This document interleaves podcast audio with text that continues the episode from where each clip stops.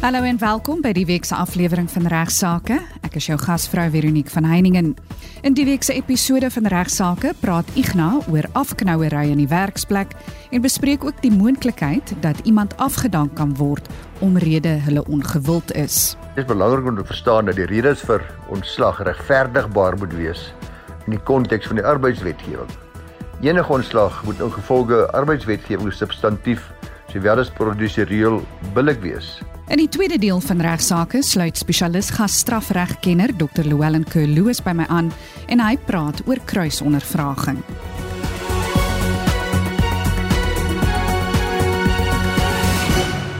Ons skop die week se program af met Igna wat praat oor afknouery in die werksplek.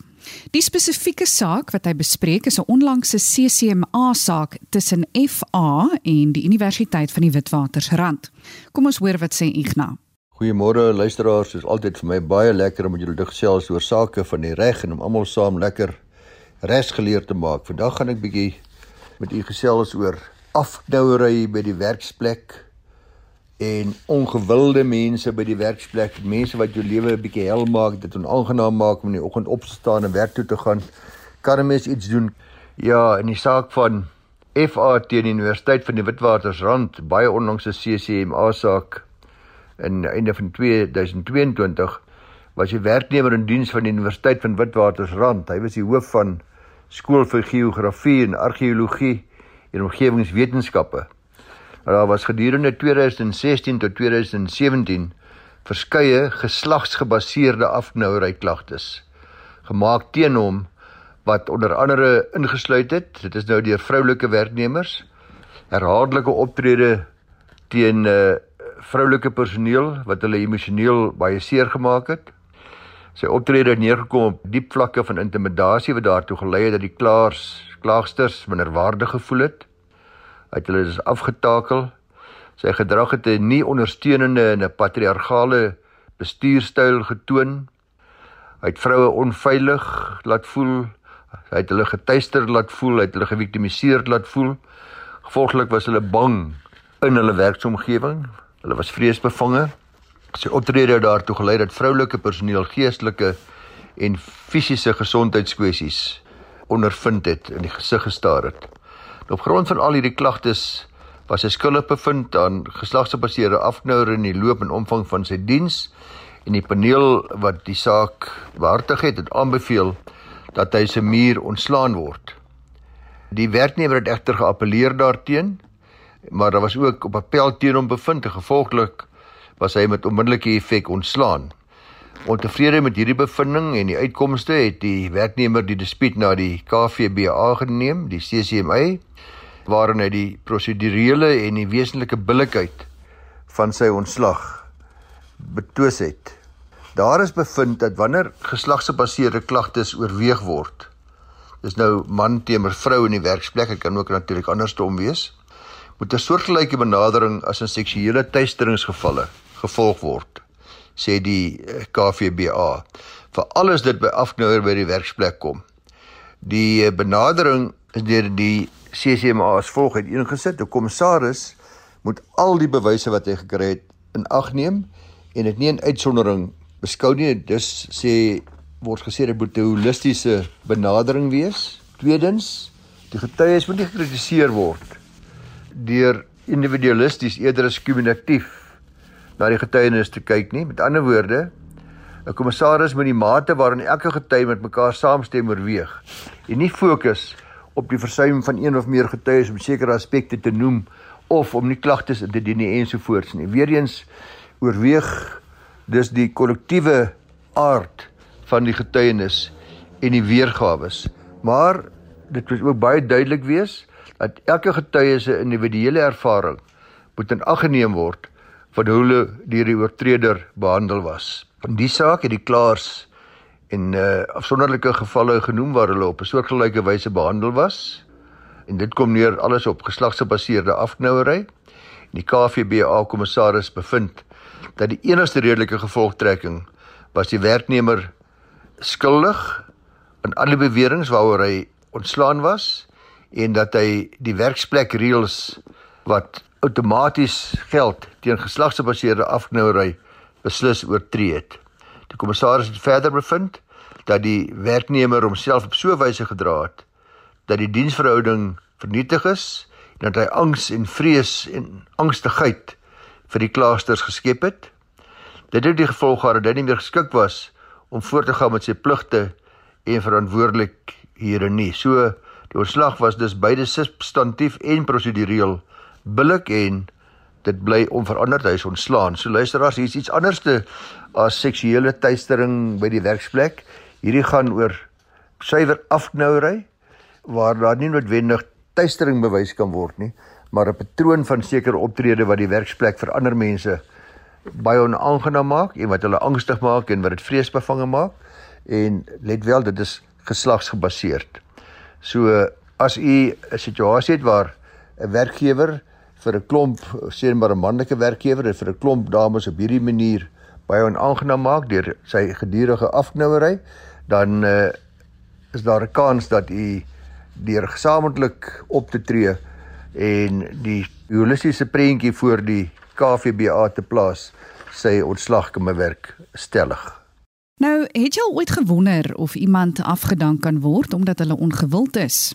Ja, ons weet nou mense moet versigtig wees as jy daai boelie afknoudige tipe basis wat die ander geslag aftakel en angstig maak. Jy kan maklik afgedank word, maar kan jy afgedank word net omdat jy ongewild is? Ek het vir Dylan Snyman hier by ons gaan vra om bietjie vir my te kyk of dit moontlik is. Dylan Snyman is 'n kandidaat prokureur by Van Velden en Duffy. En hy sê dit is belangrik om te verstaan dat die redes vir ontslag regverdigbaar moet wees in die konteks van die arbeidswetgewing. Enige ontslag moet in gevolge arbeidswetgewing substantief sowel as prosedureel billik wees. Nou natuurlik substantiewe billikheid verwys na die redes of die meriete van die ontslag, terwyl ons met prosedurele billikheid kyk na die prosedures wat voor ontslag gevolg is. Nou logies genoeg is die rede waarom jy deur die werknemer ontslaan kan word net omdat jy nie gewild is nie gewoonlik op sigself nie voldoende as 'n regverdigbare rede vir ontslag nie. Aangesien die substantiewe billikheid daardie volgende sleutelaspekte kyk, soos vervat in terme van die kriteria gelys in item 7 van die kode vir goeie praktyk uh oor ontslag. Nou eerstens is dit of 'n werknemer wat 'n reël oortree het en indien wel of sodanige reël 'n standaard reël in die werkplek is. Dat die werknemer bewus was van of redelik verwag kon word om bedag te wees op so 'n reël en aggenome die konsekwentheid van hoe die wet in die werksplek toegepas word en laastens dat die ontslag in die omstandighede gepas was. Nou in die saak van Zimbini Makulena teen die Standard Bank uh, van Suid-Afrika, dis 'n 2021 saak. Daar is die werknemer ontslaan weens haar nie gewildheid binne die werksplek. Ja, jy het reg gehoor. Die toekenning is eers as 'n onbillike ontslag deur die kommissie vir versoening, bemiddeling en arbitrasie toegestaan later deur die arbeidshof omgekeer wat beslis het dat die ontslag van die werknemer wel billik was. Die werknemer het daarna die arbeidsappelhof toegewens het geappeleer. Die hof het die toets vir die hersiening en tersydestelling van die toekenning van die KVBA, dis nou die kommissie vir versoening, bemiddeling en arbitrasie, die bekende CCMA, syne 'n redelike persoonstoets uitgelig. Die hof het gefouteer, sê die regter, deur getuienis te aanvaar omdat die getuienis ondergesoekte personeel is sonder dat die hof oorweeg het of hulle dalk 'n motief gehad het om te lieg en die hof moes 'n baie streng beleid gevolg het om sulke getuienis toe te laat en dit dis met groot versigtigheid moes dit beheen word. Die hof het die redes vir ontslag soos in die dissiplinêre ondersoek uiteengesit. Die redes was dat die werknemer haarself gedra het op bewyse wat in stryd was met haar dienskontrak en haar plig van goeie trou teenoor die bank waar sy gewerk het nie nagekom het nie om die werkgewer en teenoor ondergeskiktes nie te wees soos wat sy moes wees nie en 'n verhandige werksomgewing geskep het. Daar is bevind dat uh, sy op 'n oneerbiedige, aanstootlike en kinderlike manier met haar ondergeskiktes gekommunikeer het, dat sy op hulle geskree het, kritaal vir hulle en kliënte gebruik het, dat sy dus nie daarin geslaag het om haar span te motiveer nie, dat sy ook nie waarde gegee het aan die idees van haar ondergeskiktes nie. As gevolg daarvan het hulle gevoel dat hulle waardeloos is en ook het hulle baie ongemaklik gevoel. Die hof wys egter ook daarop dat hierdie werknemer se bestuurstyl inderdaad ook baie suksesvol was want sy toekennings ingewin en sy het ook verseker dat die tak waar sy gewerk het toekennings ingewin het. Alles as derde in die land erken vir uitstekende prestasie in hierdie bankgroep. Dit was verdere bewys dat die werknemer haar ondergeskiktes aangespreek het vir laat kom sonder 'n geldige rede en dit het ook baie gebeur wanneer hulle kliënte bedien het. Die arbeidsappelhof het bevind dat die appellant iemand was wat 'n baie veel eisende aard getoon het, wat mense mikrobestuur het en wat baie autokraties was. Verband hiermee het die hof obiter dictum verklaar dat indien die bestuurstyl wat die applikant aangeneem het nie was soos wat die bank wou hê nie, hulle interne maatreëls moes getref het soos om die appellant na gevorderde bestuursopleidings te verwys wat daar wel beskikbaar is of om haar in 'n ander posisie aan te stel waar sy nie toesig en direkte beheer oor personeellede moes hê nie. So uiteindelik het die hof tot die gevolgtrekking gekom dat die bank in hierdie geval die korrekte proses moes gevolg het, spesifiek met betrekking tot hoe hierdie ongewildheid van die appellant in die werksplek te bestuur. Die bank moes dan 'n onverenigbaarheids of 'n ongeskiktheidsproses eerder as 'n wangedrag klagte proses gevolg het. Daardie ontslag moet altyd gebruik word nadat alle interne remedies uitgeput is. So ongewildheid is eers 'n remedie as al die ander remedies wel op die proef gestel is en die arbeidsappelhof het die appel dus gehandhaaf en die toekenning bevestig soos deur die kommissaris toegestaan. Die hof het dus gelas dat die respondent die koste, dis in die bank van die appellant moes betaal, dis in die arbeidshof en die arbeidsappelhof en daar is beveel dat hierdie werknemer kon terugkeer werk toe en dat sy alle voordele met terugwerkende effek moes ontvang. Maar in elk geval werkgewers, mens moet maar baie versigtig wees om werknemers te ontslaan op grond van hul ongewildheid of hulle onwelkome of mikrobestuurshouding. Dis wel inderdaad moontlik om dit te doen, maar gevolge die arbeidswetgewing is dit nie billike instinctiewe arbeidspraktyk nie en so ontslag sou outomaties onbillik wees as daar nie eers alle ander pogings aangewend is om die probleem op te los nie. Ignas deel nou 'n storie uit Wyle een Wessels en voormalige aanbieder van regsaake se boek Genade edelagbare. Hy vertel 'n baie mooi storie van 'n selfsugtige moordenaar. 'n Man verskyn in die rondgaan hof daar op Springbok. En hy staan reg met twee aanklagte vir moord wat die gemeenskap kwaai geruk het en die hof is gepak. Staatsadvokaat lees die eerste klagter dat sy vrou met 'n byl doodgekap het. So laaf vuil goed kom 'n stem uit die gehoor. Die regter laat dit maar daar en die advokaat lees die tweede klagte, naamlik dat die beskuldigde sy skoonma ook met 'n byl doodgekap het. Weereens, die laag gemeene vuil goed roep dieselfde stem weer uit daar uit die gehoor. Die regter besluit hy moet maar hierso 'n bietjie ingryp en die reëls neerlê. En meneer, Die hof kan verstaan dat hierdie saak baie emosies in die gemeenskap ontlok, maar die beskuldigde is geregtig op 'n redelike en 'n billike verhoor. Ek kan nie sulke tussenwerksels toelaat nie.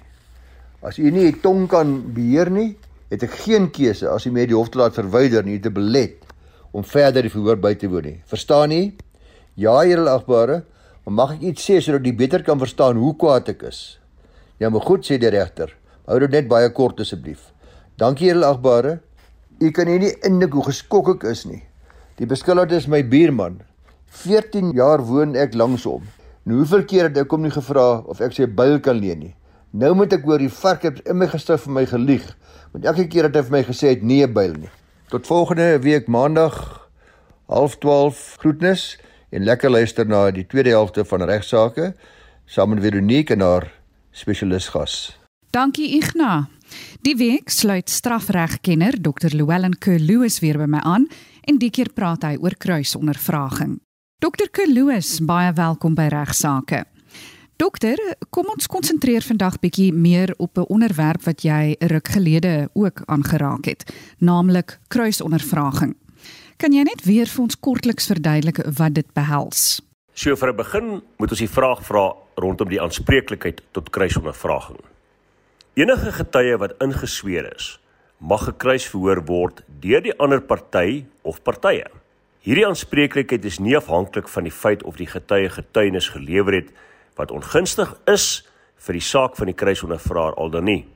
Dit is immers toelaatbaar dat die kruisondervraging gelyk kan word met die doel om feite te ontlok wat die kruisondervraer se saak sal versterk, ongeag die aard en inhoud van die hoofgetuienis.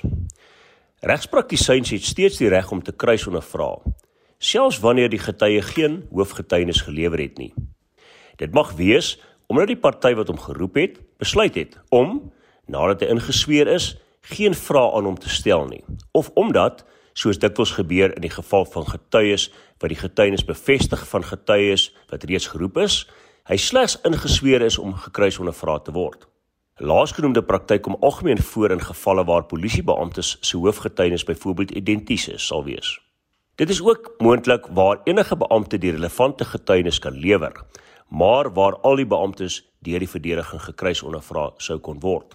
Soos enige ander ondervraging, is kruisondervraging ook onderworpe aan bewysregreëls. Een hiervan is dat die antwoorde wat ontlok word op direkte wyse relevant moet wees tot 'n aangeleentheid in die saak of dan indirek, soos in die geval van vrae wat gerig is op geloofwaardigheid. Indien dit blyk dat 'n getuie nie daartoe in staat is om die relevante getuienis te lewer nie, sal kruisondervraging nie eers oorweeg word nie. Dieselfde beginsel geld wanneer die hoofondervraging om een of ander rede deur die voorsittende beampte gestop word.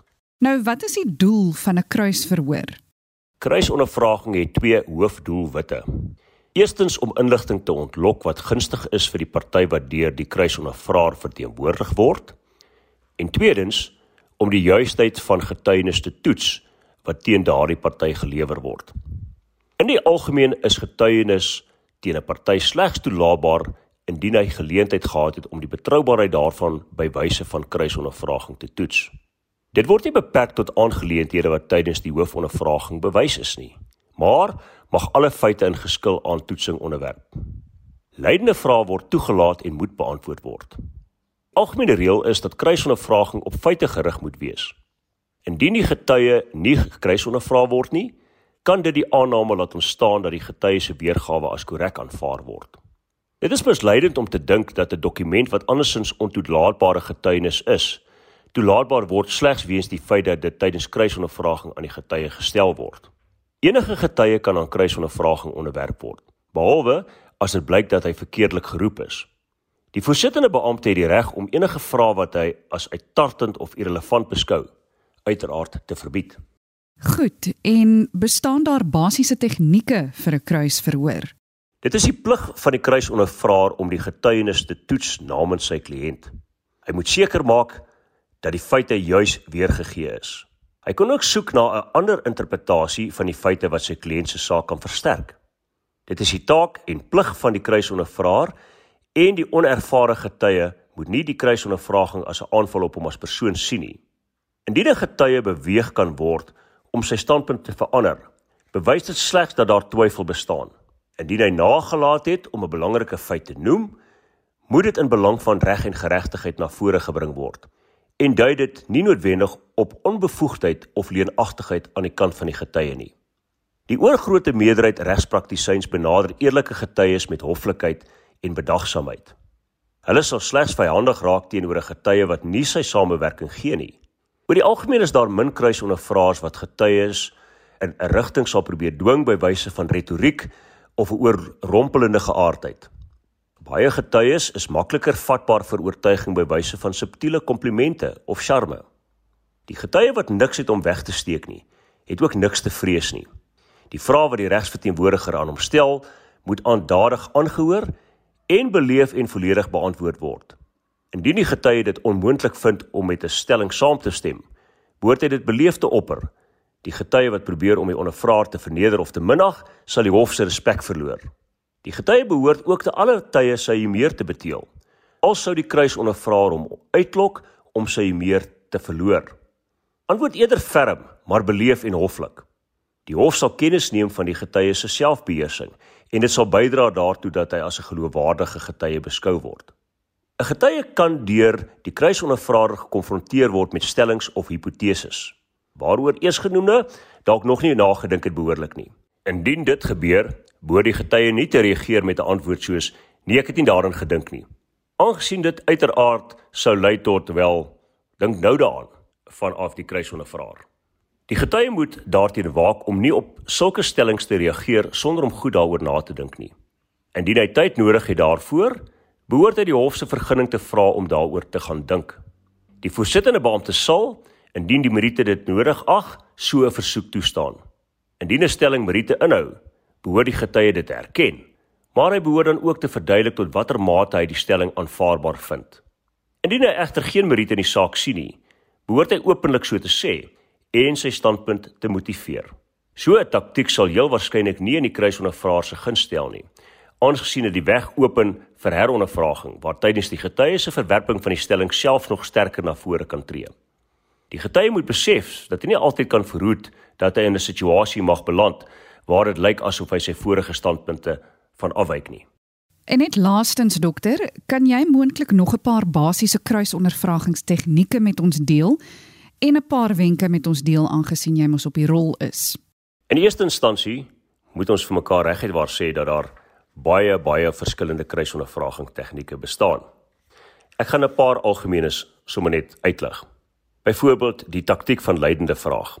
'n Voorbeeld hiervan sou wees waar die kruisondervraer vra: "Was die wapen 'n mes?" Die doel hiervan is deurdat die getuie die antwoord in die mond gelê word, word hy of in 'n spesifieke rigting gelei of verwar of om die bos gelei ten einde 'n verkeerde antwoord te gee.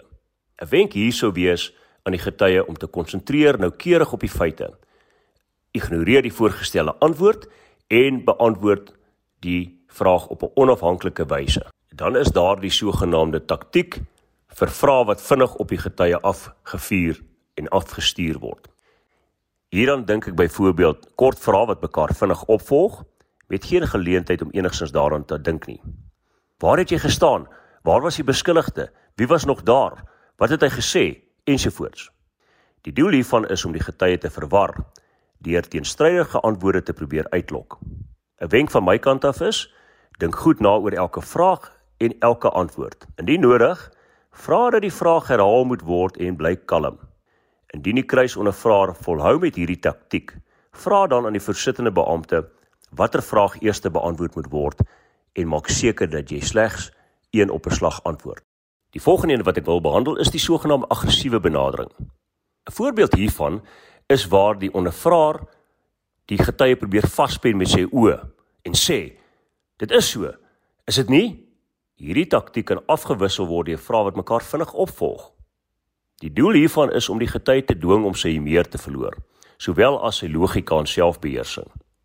'n Wenk van my kant af is: getuies mag nooit hul humeur verloor nie. Bly altyd kalm en bedaard antwoord in 'n kalm stemtoon en gee die aanklaer of regsverteenwoordiger geleentheid om geregverdigde besware te opper. Baie dankie aan Dr. Llewellyn Kerloos en natuurlik aan Ignas Kleinsmid vir hulle bydraes tot die week se aflewering van regsaake. Vir enige navrae, stuur gerus 'n e-pos na my toe by vero@rsg.co.za. Van my Veronique van Heiningen, groete tot volgende week.